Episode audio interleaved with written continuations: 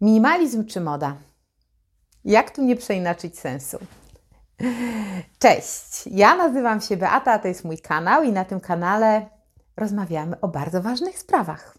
Stajemy się tutaj świadomymi twórcami naszego życia. Stawiamy sobie wiele pytań i wspólnie szukamy odpowiedzi. Jesteśmy tutaj ze sobą i dla siebie. I dzisiaj prośba na dobry początek. Jeżeli cokolwiek spodoba Ci się dzisiaj, albo jeżeli cokolwiek, co już powiedziałam na tym kanale, spodoba Ci się, to bardzo proszę subskrybuj ten kanał. Czyli tutaj przyciśnij ten mały dzwoneczek. Dla osób, które tworzą, czyli takich youtuberów, jak ja jestem, wszystkie Twoje reakcje są bardzo ważne. Polubienia, komentarze są naprawdę bardzo istotne.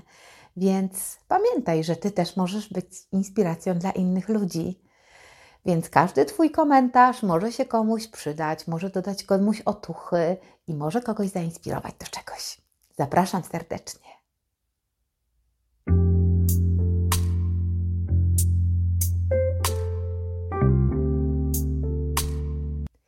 Dziś temat. Temat dość popularny, jak wiele innych. Minimalizm potrzeba czy konieczność? To jest dobre pytanie. Chociaż od dość dawna toczy się taki spór między minimalistami a konsumpcjonizmem. Napisano wiele mądrych książek na ten temat, które pozwalają nam może uporządkować trochę swoje życie, może je uprościć, może zwolnić z narastającego napięcia. Ideę samą minimalizmu znamy od wieków. To jest nic nowego, ale dopiero od niedawna stała się ona taką modą ogólnoświatową. Wynika ona trochę może z trendu, ale myślę też, że dla większości z nas z większej świadomości, bo natura nasza woła rozpaczliwie o pomoc. I dlatego do głosu dochodzi minimalizm jako ograniczenie w bardzo szerokim pojęciu. Ale czy tylko ograniczenie? Zaraz o tym powiem. Pewnie wiesz, o czym mówię, bo poniekąd mówię o takiej najbardziej popularnej e, chorobie, jakim jest zakup, zakupoholizm. Bo nawet gdybyś się starał najbardziej zaplanować swoje zakupy, to kiedy jesteś w centrum handlowym, to zawsze cię coś zaskoczy, zawsze cię coś skusi. To po prostu cię już ma. Bo dookoła jest pełno pokus, kolorowych rzeczy, pięknych zapachów lub bajkowych obietnic spełnienia marzeń. Każdy nowy produkt wydaje się jeszcze piękniejszy, jeszcze bardziej potrzebny, dosłownie niezbędny. I w tym świecie nadprodukcji lub ogromnego wyboru, jak to nazywają oczywiście inni, którzy, wiesz, kochają zakupy, to można się zgubić. Można się zgubić w tym, czego ty naprawdę chcesz. I może już nawet nie pamiętasz wielu przedmiotów, które kupiłeś ostatniej zimy. Może zapomniałeś i w zapomniane miejsce na strychu jej dawno schowałeś w kartonach lub w workach i to całe lata tam leży. Jest ich zbyt wiele, o wiele za dużo. Dla sprawdzenia Cię bardzo zachęcam, spróbuj je spisać. Ile masz takich rzeczy na strychu lub w piwnicy lub w jakimkolwiek innym pomieszczeniu, w garażu, gdzie trzymasz tak zwane przydasie. Wiesz, takie przyda się to albo się tamto przyda. Już tak 10 lat myślisz, że się przyda. I tak sobie myślisz i szkoda ci wyrzucić. Lista na pewno cię zaskoczy. Gwarantuję. A to jest dopiero początek, bo tak naprawdę to nie są przedmioty tych, wiesz, tych naszych podstawowego użytku, codziennego użytku. I kiedy zaczniesz taki remanent przedmiotów, które posiadasz, to może będzie to świetny początek na to, żeby przeciwstawić się zbieractwu. Bo wiesz, to zawsze od czegoś trzeba zacząć. A to jest na pewno koszmar. Może wtedy właśnie zadasz sobie takie pytanie, czy ty naprawdę tego wszystkiego potrzebujesz? Czy może minimalizm to jest jakiś dobry kierunek?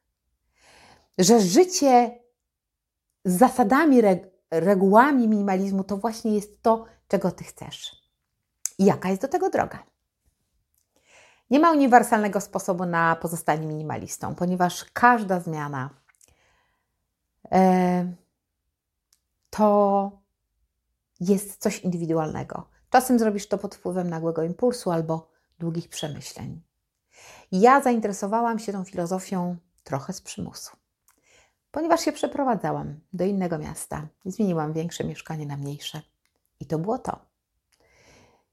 Niestety nie z oszczędności, tylko z konieczności. Nie mogłam uwierzyć, ile uzbierałam rzeczy w tak krótkim czasie. Doświadczenie było na tyle ciekawe, że uświadomiłam sobie, jak trudno podjąć decyzję, że trzeba pewne rzeczy wyrzucić, po prostu pozbyć się ich, że trzeba będzie to zrobić, ponieważ nie ma możliwości, żeby zabrać to wszystko.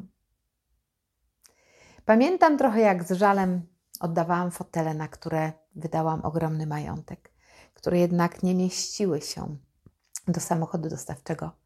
Wiele jeszcze innych rzeczy, do których byłam ogromnie przywiązana. Tak mi się przynajmniej wydawało. I co potem zrobiłam? Ja po prostu poupychałam wiele książek w pudłach i umieściłam je na strychu rodziców. W rogu, tam ustawiłam, tak wiecie, usztaplowałam kartony moich książek. Do wielu z nich w ogóle nie wróciłam nigdy, a inne moja mama oddała kiedyś po latach do biblioteki. W szafie, na strychu, w takiej starej szafie, wisiały latami ubrania, których szkoda mi było wyrzucić. No bo wiesz, moda wróci albo schudnę. Zawsze to był najlepszy argument, więc szkoda by mi było, kiedybym schudła i musiała te rzeczy na nowo kupować. Masz może takie myślenie? Ja miałam lata. Masz może plan porządkowania, a potem obracasz, wiesz, tak jak w rękach kilkakrotnie to coś, tak jak wiesz, centuś, złotówkę i na końcu nie wyrzucasz, no bo stwierdzasz, że przecież się może przyda kiedyś, które nigdy nie nadchodzi. Zaczęłam więc od szafy. Wyciągnęłam całą odzież szafy i zaczęłam ją grupować. Okazało się, że jakieś 70% to są rzeczy w ogóle nieużywane, zapomniane, zachowane na późniejsze nigdy. Część wyrzuciłam, część oddałam. I od tej pory to systematycznie robię. Oraz wiesz, co jeszcze robię? Chętnie noszę ubrania po kimś, które dostaję, otrzymuję od kogoś. Nie kupuję nowych rzeczy. No nie tak zupełnie, ale bardzo ograniczyłam zakupy i to bardzo mi dobrze robi. Ja nigdy nie byłam fanem zakupów, więc może jest mi łatwiej. Ale dzisiaj nie będę mówiła tylko o pozbywaniu się rzeczy z naszego życia, z tej naszej szafy, ale o czymś równie, a może ważniejszym. Bo pozbyć się to nie zawsze znaczy wyrzucić. Bo minimalizm nie znosi marnowania tego, co już zostało wyprodukowane, co już powstało. Wyrzucanie ubrań z szafy usunie oczywiście bałagan z tej szafy, ale z drugiej strony zwiększy śmietnik, którym nasza planeta już jest zasypana. Ilość wytwarzanych śmieci rośnie w zastraszającym tempie. Minimaliści to również ci, którym ograniczenie produkcji tych śmieci leży bardzo na sercu. I nie tylko wśród wyznawców filozofii minimalizmu. Bardzo popularny stał się recykling, czyli sprzedawanie, oddawanie tego, czego już nie chcesz, nie potrzebujesz, jest ci zbędne. Dzięki temu z tych niepotrzebnych rzeczy inni mogą skorzystać i naprawdę mieć ogromną przyjemność. Ja od kilku lat staram się żyć coraz bardziej bliżej tego zero waste. Przynosiłam z tak zwanej wystawki, kiedyś bardzo popularnej na zachodzie, nadal można się można spotkać na ulicy szafkę, lustro, fotel czy cokolwiek innego, odrestaurować, pomalować i po prostu użyć. Podobnie jest taka moda ostatnio, na przykład bardzo popularna stała się na wykorzystywanie palet do budowy donic, siedzeń na balkon czy na tarasy. Oczywiście, że taką paletę to trzeba, wiesz, kawałek roboty włożyć, trzeba ją obrobić, pomalować, zbić, ale to jest bardziej ekologiczne jak kolejne plastikowe krzesło. No i co jest najważniejsze, to kształtuje kreatywność. A ja jestem bardzo za tym, żeby kształtować swoją kreatywność. I myślę, że w tylu takiego nadmiernego podążania drogą minimalizmu wiele osób decyduje się na przykład na taką skrajną rzecz, na posiadanie minimalnej ilości rzeczy. To nie jest łatwe, Ale są tacy, których ja znam, którzy starają się trzymać konkretnej nawet liczby przedmiotów, na przykład 50. Myślę, że chyba ktoś napisał już książkę o 50 mm, czy 52 rzeczy, które mi wystarczają do życia. I wystarczy, żeby ograniczyć to, zobaczysz, jak rośnie Twoja kreatywność. Popularnym przykładem tego może być szafa minimalisty. Zamiast setki kompletów ubrań można tam na przykład mieć stonowane kolory i uniwersalne kroje, dzięki czemu wszystko do siebie będzie pasowało. I to mi się super podoba. Większość rzeczy, które ja mam obecnie w szafie, to są koszulki i spodnie w jednym kolorze. W ten sposób rano mam więcej czasu. To na bank. Nie marnuję go również w sklepach z ubraniami. I nie mam przeważnie problemu z dodatkami, ponieważ prawie ich nie noszę. Mam naprawdę kilka par kolczyków, nawet nie mam ładnego zegarka, ale uważam, że prosty, klasyczny strój pasuje zawsze do wszystkiego. Na przykład właśnie ładne kolczyki, czy ładny zegarek, czy brązoletka. To w zupełności wystarczy nam jako biżuteria. Ja po latach zdałam sobie sprawę, że kupując ubrania, od dawna wybierałam zawsze formy klasyczne aby stworzyć taką prostotę, prostą bazę do uniwersalnych strojów, uważam, że wystarczy mieć proste rzeczy i zmieniać tylko dodatki. I przez zmianę dodatków charakter też się zmienia. Więc chciałabym dzisiaj połączyć minimalizm i ekologię, czyli znaleźć wspólne słowo dla nich, jak ograniczać czy redukować. Minimaliści starają się zminimalizować swoje potrzeby, żeby uprościć swoje życie i odnaleźć w nim sens. A ekolodzy starają się zredukować ludzki wpływ na środowisko. Tylko oczywiście słuchaj, bez przesady, wszystko z umiarem. Nie dajmy się zwariować. To nie chodzi o to, żeby przesadzić ani w jedną, ani w drugą stronę. Minimalizm stał się swego rodzaju modą blogi, książki, poradniki, filmiki o tym, jak zostać minimalistą, pojawiają się jak grzyby po deszczu. Jest tego wiele w internecie. Można z tego wywnioskować, że coraz też więcej osób stara się zarobić na minimalizmie. Jednak czy minimalizm kultywowany dla pieniędzy przestaje być minimalizmem? Moim zdaniem nie. Nie widzę w tym absolutnie nic złego, że ludzie o tym piszą, że piszą książki, że, że promują e, to na blogach i zarabiają na tym. Tak samo jak nie widzę złego absolutnie w promowaniu żadnej innej świetnej idei, etycznej idei.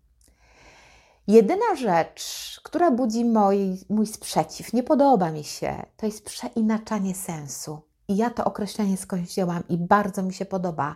Przeinaczanie sensu nie dać się zwariować, nie przeinaczać. A oto przeinaczanie naprawdę nie jest trudno. Na blogach dla minimalistów co chwilę możemy przeczytać historię, która no nie do końca mieści się w ramach normalności, według mojej oceny. Pamiętaj, to jest tylko moja ocena. Bo ja mam tutaj na myśli pomysł na przykład taki, żeby w ramach minimalizmu na przykład przeprowadzić się z, kawale- do, z dużego ładnego mieszkania czy domu do kawalarki razem, nie wiem, z dwójką, trójką dzieci, z mężem i, i psem. I na przykład nie robić zakupów przez pół roku. Za wieloma tymi pomysłami może stoi świetna idea, jakaś szlachetna idea, jednak minimalizm nie powinien ograniczać. Minimalizm powinien pomagać wykorzystywać otoczenie jak najlepiej ja rozumiem, że każdy potrzebuje do szczęścia czegoś innego, ale nikt nie powinien rezygnować ze szczęścia w imię minimalizmu, bo to jest overdriven. Po holendersku mówią po prostu przesada, przegięcie w jedną stronę. Kasia Kędzierska napisała Chcieć mniej, taką książkę i pisze w tej książce o tym, że minimalizm nie jest i nigdy nie powinien stać się celem samym w sobie. Więc pomysł posiadania mniejszego mieszkania powinien raczej wynikać z chęci ograniczenia przestrzeni, nie powinien wynikać z chęci ograniczenia przestrzeni życiowej, a raczej z potrzeby konieczności na przykład redukcji kosztów utrzymania, jakiejś może większej kontroli nad finansami, uwolnienia się od długów, czy nie wiem, jeżeli podróżujesz bardzo często, to jest to mm, lepsza opcja, mniejsze koszty.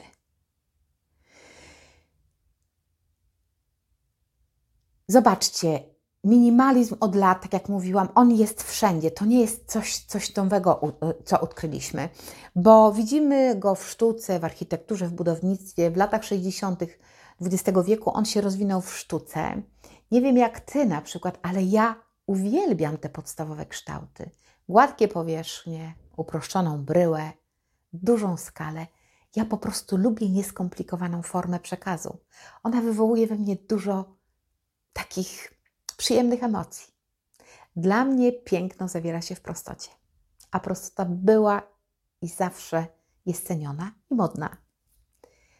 Zwróciłeś na przykład uwagę na sztukę minimalistyczną. Mm, ona jest taka przejrzysta i dokładna w wykonaniu.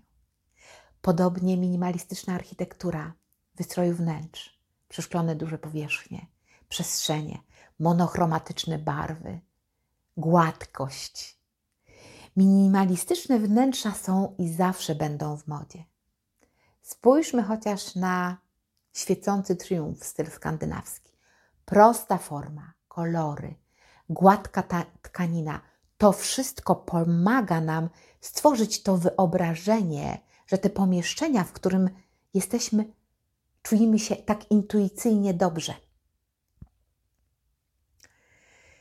Jestem przekonana, że więcej osób zdecydowanie wybrałoby dom z minimalistycznym wnętrzem niż zagracony rzeczami, które po prostu stoją i się kurzą. I gdzieś podświadomie tworzą chaos. Oczywiście, że ironiczne jest też to, że minimalistyczne mieszkania i biura w obecnych czasach są najdroższe.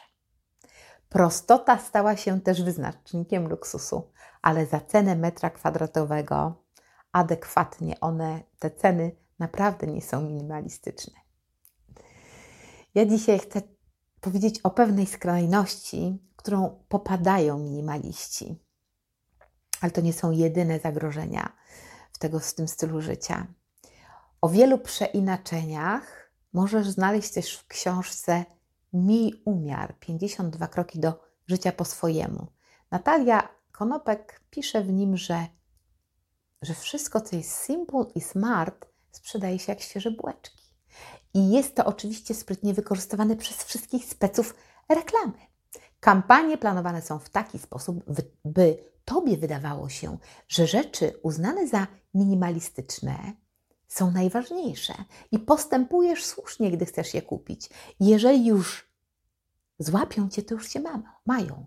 Jeżeli ty nie złapiesz dystansu i ulegasz tym wpływom i tym reklamom, pod wpływem których uwierzysz, że pozbywasz się nawet konsumpcjonizmu i zbędnego ekwipunku i że robisz sobie nową przestrzeń, ale tak naprawdę to budujesz kolejną iluzję. Bo niestety, ale często zaczynasz kupować kolejne niepotrzebne przedmioty, tylko, tylko dlatego, że one są minimalistyczne. Naprawdę. Wyrzucasz miękką kanapę z poduszkami, kupując to miejsce drugą. Tylko wiesz, monochromatyczną i taką o geometrycznych kształtach. Tak samo wymieniasz na przykład sztućce na drewniane, bo w końcu przecież są z naturalnego tworzywa, czyli minimalistyczne.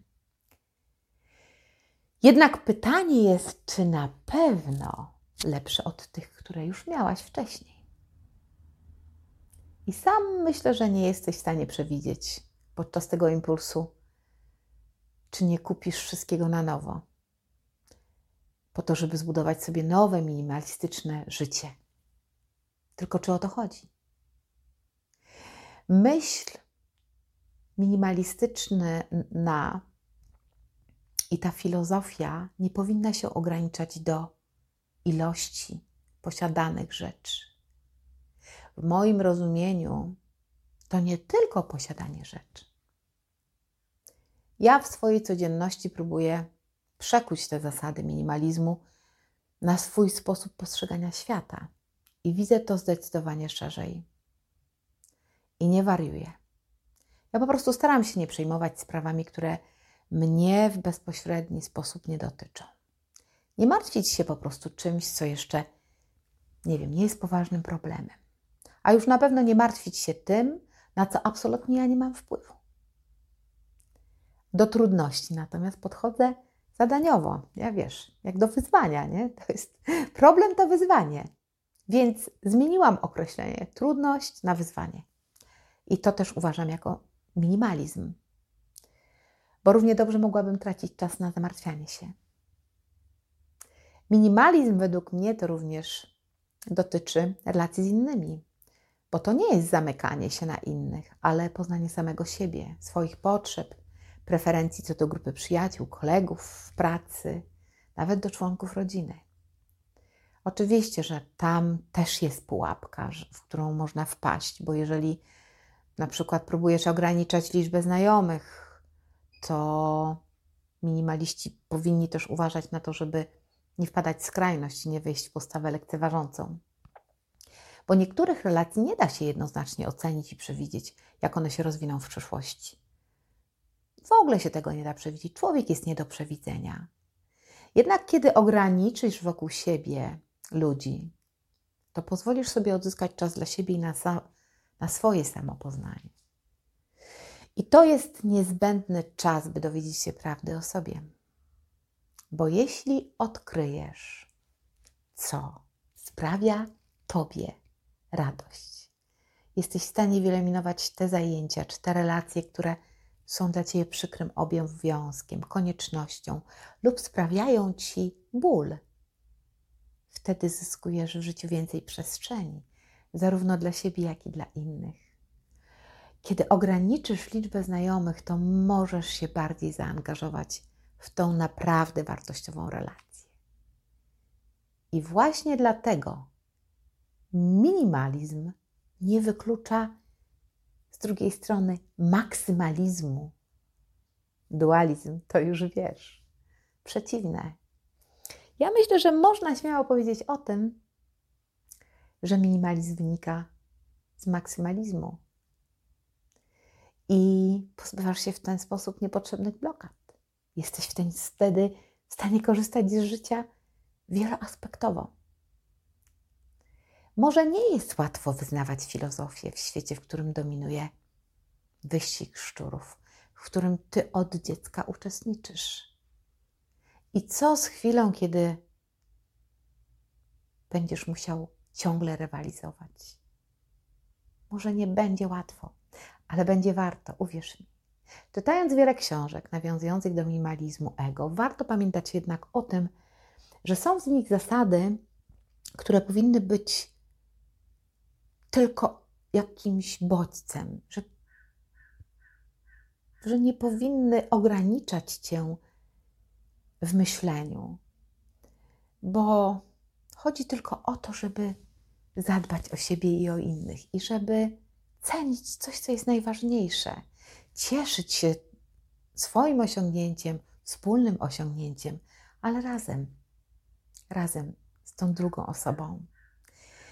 Myślę, że warto też, żeby pamiętać, że ważne w dążeniu do życia zgodnego z minimalizmem jest również to, żeby nie tylko ograniczać rzeczy, ale również ograniczyć docierające do nas bodźce. Jest to w obecnych czasach niezbędne, żeby skoncentrować się na tym, co jest dla nas najważniejsze. Inaczej trudno będzie celebrować ważne chwile i skupić się na tym, co dla ciebie jest ważne, bo żyjesz w wielkim chaosie. Kiedy Twoją uwagę odciągają takie sygnały na zewnątrz, coraz bardziej agresywnie pochłaniają Twoją uwagę i, i gubisz siebie, naprawdę gubisz całkowicie. Bodźce zewnętrzne zdominowały nasze życie. Tak naprawdę wiele osób ma przez cały czas przy sobie jakieś źródło dźwięków, obrazów czy informacji. Jesteśmy uzależnieni.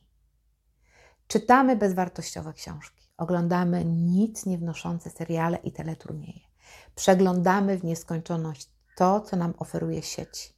O ile wybieranie rozwijających książek i filmów może wnieść ze sobą pewną korzyść dla nas, o tyle przewijanie Facebooka no trudno, żeby doszukiwać się tu jakiejkolwiek wartości dodanej. Ja wiem, że teraz ja sobie sama strzelam w kolano, ale ponieważ ja sama publikuję na Facebooku i Instagramie, ale to nic. Poważnie. Ja uważam, że scrollowanie Facebooka czy Instagrama to jest naprawdę strata czasu i nie tylko. Ale o tym może powiem już w innym filmie. Wiele osób może powie teraz, że w internecie przecież szuka wiedzy i twierdzi, że na przykład to jest nic złego. Przecież to jest wszystko w porządku, przecież internet jest świetnym źródłem wiedzy. Może jesteś taką osobą, która jest nastawiona na gromadzenie i przyswajanie tych informacji, i apetyt Twój wzrasta w miarę jedzenia. Niektórzy z, potrafią spędzać wiele godzin, dni, tygodni, a nawet lat na szukaniu ciekawych informacji. Przykładem jest mój tato. Ale to też może na inny film temat. Zastanów się dzisiaj, czy przyswajanie informacji nie stało się dla Ciebie substytutem, substytutem przeżywania czegoś na własnej skórze? Bo wiele wiadomości często nie są nam do niczego potrzebne. Jednak neurotyczne, neurotycznie zdobywamy tą wiedzę, tak na wszelki wypadek. Nie wiem, żeby być wystarczająco dobrym, że jak ktoś zapyta, żeby wszystko wiedzieć, takie gromadzenie wiedzy może być jeszcze bardziej męczące i izolujące niż kolekcjonowanie rzeczy. Pomyśl o tym, gdzie jesteś z tą potrzebą zdobywania wiedzy. Po co chcesz tą wiedzę mieć? To, co mam na myśli, czyli to wszystko. Minimalizm w rozumieniu nie jest ograniczeniem, jest sposobem na życie, ale życie wyraźne, osadzone tu i teraz, w teraźniejszości, z większą świadomością. I budowanie na tym zawiłej filozofii i przeinaczanie sensu czy wyznaczanie dokładnych zasad jest niepotrzebne. Mimo tego, że wielu z nas żyje minimalistycznie, to my nawet o tym nie wiemy.